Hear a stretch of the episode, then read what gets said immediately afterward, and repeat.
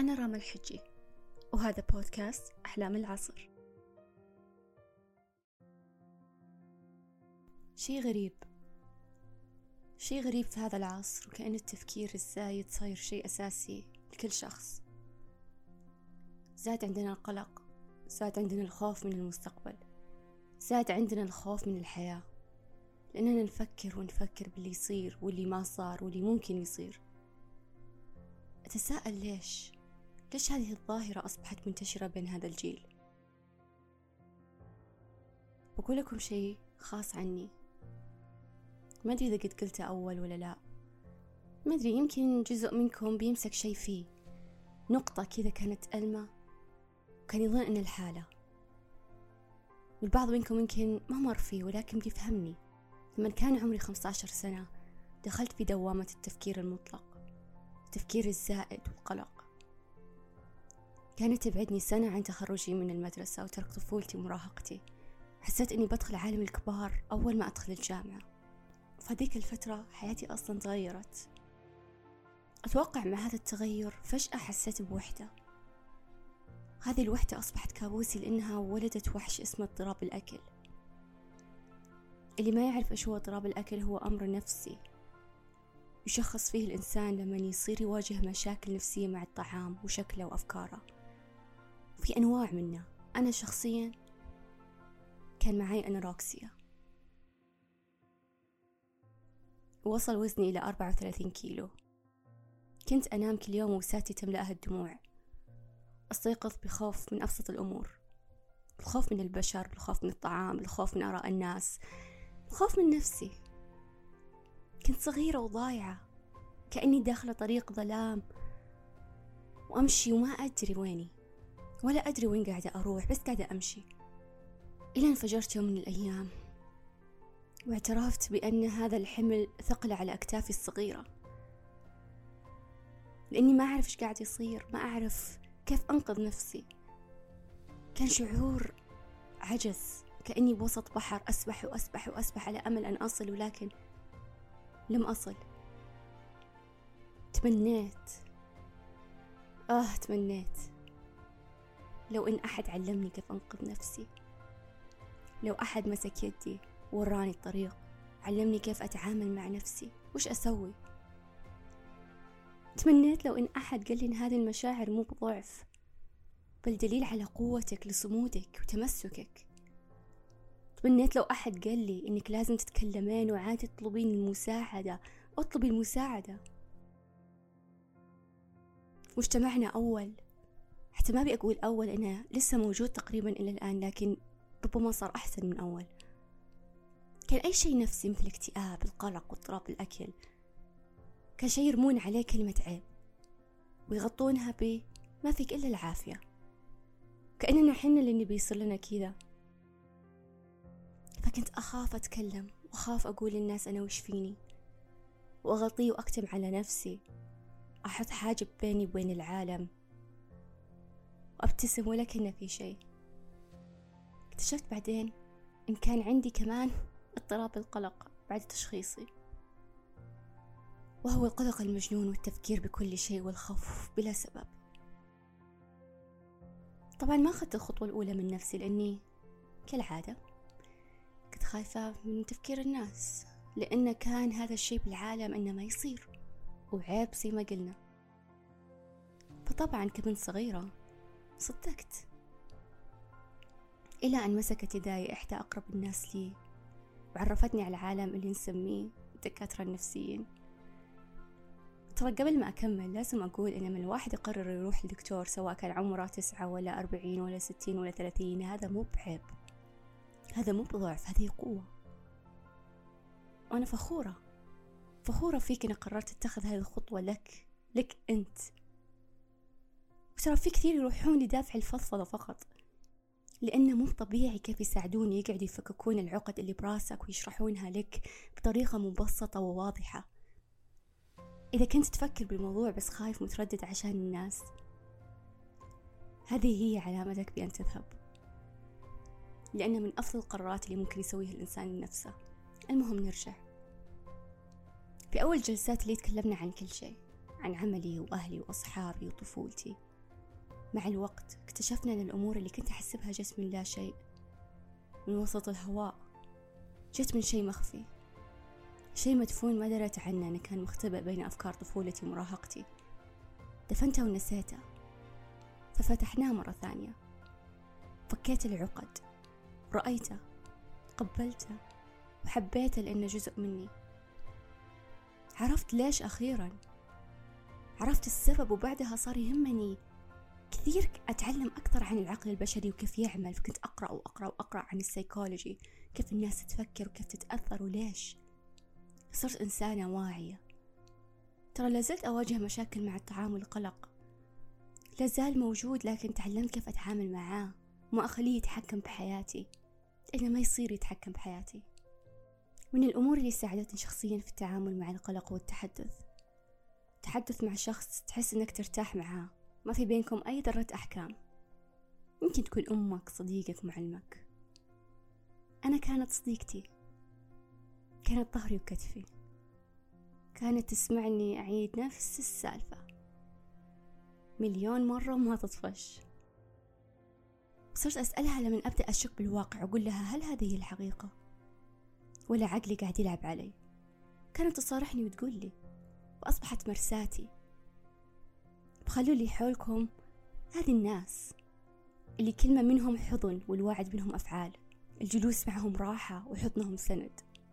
خلونا نحط نفسنا بينهم لأننا نستحق. ساعدتني أشوف ما هو الخيال وإيش هو الواقع ومن بعدها تعلمت أنا بنفسي. أبدأ أشوف الواقع والخيال بعيناي. من ثم لجأت إلى الكتابة. يوه لما أقول كتابة أحس إن ماء بارد تمسك على صدري المحترق. كنت أفضفض الورق وأقول لها أسراري وهمومي. كل مشاكلي. لا تخافون ما راح يرد عليكم ولكن كأن هذه الأوراق أخذت الحمل عني وأغلقت عليه بين دفتي الدفتر. وبعدين رجعت الأمور الصغيرة اللي نسيت ما دريت أنها مهمة. زي عاداتي البسيطة مثل الرياضة لمدة ثلاثين دقيقة. المشي تحت أشعة الشمس. حضن الأم. رؤية صديق الطفولة. الرسم وعزف البيانو. رجعت لعاداتي البسيطة والأمور البسيطة اللي كانت تسعدني رجعت لروتيني. إذا ما كان عندك روتين ابني روتين لأنه يساعدك تكون باللحظة تكون بالحاضر بدل ما تكون جدا في المستقبل والماضي. فالقلق بالنهاية هو مجموعة أفكار مشاعر ليست حقائق. ترى إحنا نقلق على أمور في احتمال كبير ما تصير. فيضيع وقتنا بالقلق عليها. ففكر في أسوأ الاحتمالات إيش ممكن يصير لك؟ هل راح تعيش بعدها وتقوم؟ بتقوم. أنا عارف إنك بتقوم. الكلام أسهل من الأفعال. أعرف. لكن أنت لازم تتخذ الخطوة. الخطوة إنك تعرف السبب.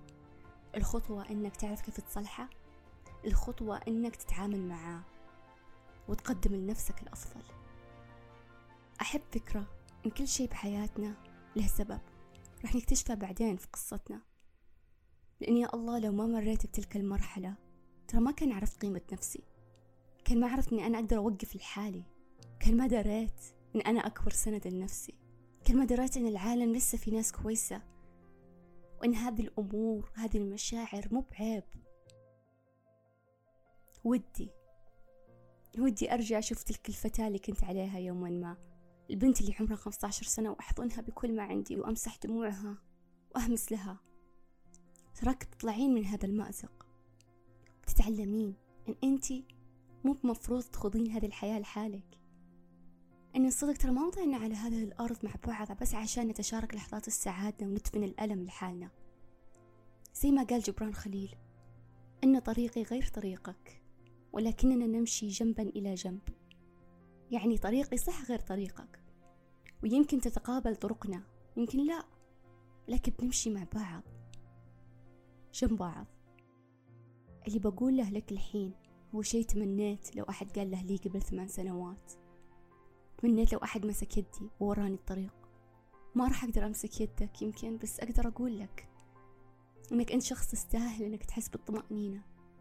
إنك إنسان بتحس بعشرات المشاعر باليوم الواحد. أفتح لها الباب وخليها تعدي وتروح.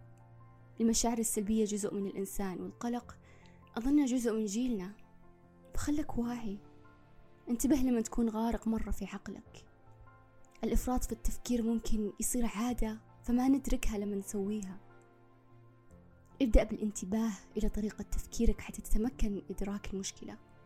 لما تبدأ تعيد هذه الأحداث في ذهنك مرارا وتكرارا أو تقلق عن أشياء ما تقدر تتحكم فيها خلك واعي إن اللي ما تقدر تتحكم فيه ما راح تقدر ولا راح يفيد التفكير الزائد فيه وإن اللي صار صار. ما تقدر تسوي شيء ولكن اللي تقدر تتحكم فيه هي أفعالك التالية وإيش هي خطواتك التالية. شيء ثاني يمكن سمعته كثير لكن من الأمور شخصيا اللي ساعدتني بإني أهدي هذه الأصوات اللي في مخي وأهدي القلق الزائد والأفكار هو العيش في اللحظة. لأن العيش في اللحظة هو مفتاح تعلم كيف نتوقف عن التفكير الزائد. إن هذا التفكير ترى غالبا يكون عن الماضي تفكر بشي سويته وتقول كان لازم أسوي كذا وليش فلان قال كذا و و و. ممكن يكون عن المستقبل. إيش بيصير؟ وش بتسوي؟ كيف بتكون ردة فعل فلان؟ لما تحس إنك بدأت تغرق وقف. تنفس. وركز على اللحظة. ماذا تسمع وماذا ترى؟ إيش الأمور اللي أنت ممتن لأجلها؟ في البداية ترى ما راح يضبط معك طبيعي. أنت راح تحتاج تدرب عقلك. إن عقولنا تحتاج إلى التدريب. تحتاج تدرب عقلك إنك تكون باللحظة أكثر تحتاج تدرب عقلك إنك تشعر بالامتنان أكثر. ومع الوقت تشوف نتائجها. لكن سرعان ما ستجد إنه صار يجي بشكل طبيعي جدا. خلي عقلك يفكر بالحلول وليس بالمشاكل. حدد مشاكلك لكن أعطي قوتك وطاقتك للحلول. خلونا نقول أنك حددت الأسباب الحقيقية لتوترك وقلقك. فالطريقة الوحيدة المهمة عشان تتعلم كيف توقف عن التفكير الزائد هي أن تتولى مسؤولية حياتك. إذا عرفت السبب فتقع عليك المسؤولية. إذا كان سبب تفكيرك الزائد هو الإجهاد في العمل أجل أعد تفكير في مسار حياتك المهنية. إذا ما كنت في المكان اللي تبيه في الحياة أجل حدد أهداف لنفسك تتمكن الوصول إليها. إذا حسيت أن الحياة خارجة عن إرادتك خذ قرار اليوم يساعدك كيف تلاقي السلام في حياتك. هذه الخطوات كبيرة تتطلب شجاعة. وانت تمتلكها أنا أعرف. الحياة أكبر منا وأكبر من اللي قاعد يصير داخل رؤوسنا. لكن هذا لا يعني أنها مهمة. المشاكل اللي قاعد تصير في نفسنا والمشاكل اللي قاعد تصير في رأسنا هذا شيء حقيقي. هي مشكلة حقيقية. تحتاج لتدخل. تحتاج المساعدة تحتاج أن أحد يسمعك. تحتاج للعمل لأجلها. فلا تحسب إنه بس عشان موجود في راسك يعني مو مهم. عشان هو شيء ما ينشاف بالعين المجردة يعني هذا إنه مو مهم. بل هو شيء مرة مهم لأنه يأثر على حياتك وراح يأثر على حياة عيالك وراح يأثر على أصحابك. راح يأثر على كيف تشوف نفسك راح يأثر على اتخاذ قراراتك. دوره كبير. عشان كذا لا تترك هذه الأمور بلا حل. لا تتجاهلها. أعطي نفسك الحق. فالحياة أكبر منا الحياة تقع في تفاصيل الحياة اليومية الصغيرة واللحظات السريعة. ما بيك تفوتها لأنك عالق في رأسك. فإذا ما عرفت إيش تسوي اسأل. لا تسوي غلطتي واسأل. صدقني بتلاقي يد العون ممدودة. لا تعرف وتسكت. خذ أفعال. هذه الأفعال لك أنت عشان تحسن من جودة حياتك عشان تعيش. عشان صدق تعيش مو بس تتنفس وتاكل وتنام عشان تعيش. ترى كلنا مختلفين. فإذا جربت اللي ضبط معي وما ضبط معك هذا مو بيعني فيك شيء غلط. أبدا. لكن كل واحد فينا أتى من بيئة مختلفة وتفكير مختلف. في أشياء تضبط في أشياء لا. لكن ما راح تعرف من دون ما تجرب صح؟ ترى الحياة صعبة بدون شيء. تساهل مع نفسك وقدم لها يد العون والمساعدة اللي تحتاجها. وقف بين كل فترة وفترة وتنفس انظر. تراك بوسط قصتك. كيف تتذكرها؟ كيف راح تسردها؟ إذا ضعت بتلاقي طريقك أوعدك كل شيء مؤقت. لكن ما في شيء بيتحسن إذا أنت ما اتخذت أفعال لتحسينها. إذا تألمت جروحك ستلتئم أوعدك. إذا غرقت بيرجع الهواء أوعدك. بس أحتاجك تعرف أن قيمتك عظيمة وأهمية كيانك. اسأل افعل وقدم لنفسك ما تحتاج. إذا أنت قاعد تتألم قول أنا قاعد أتألم. إذا ما عرفت وش تسوي اسأل. إذا حسيت أنك ضايع وحسيت أنك محصور اليوم أوعدك أن في حل. دائما في حل لكن لازم إحنا نطلع ونبحث عن الحل. لازم نعمل لأجلنا. لازم نعمل دوما لأجلنا. فإلى كل تلك النسخ الماضية من نفسي. أنا فخورة بك وبقوتك. مرة شكرا أنك ما استسلمتي لأنني هنا الآن.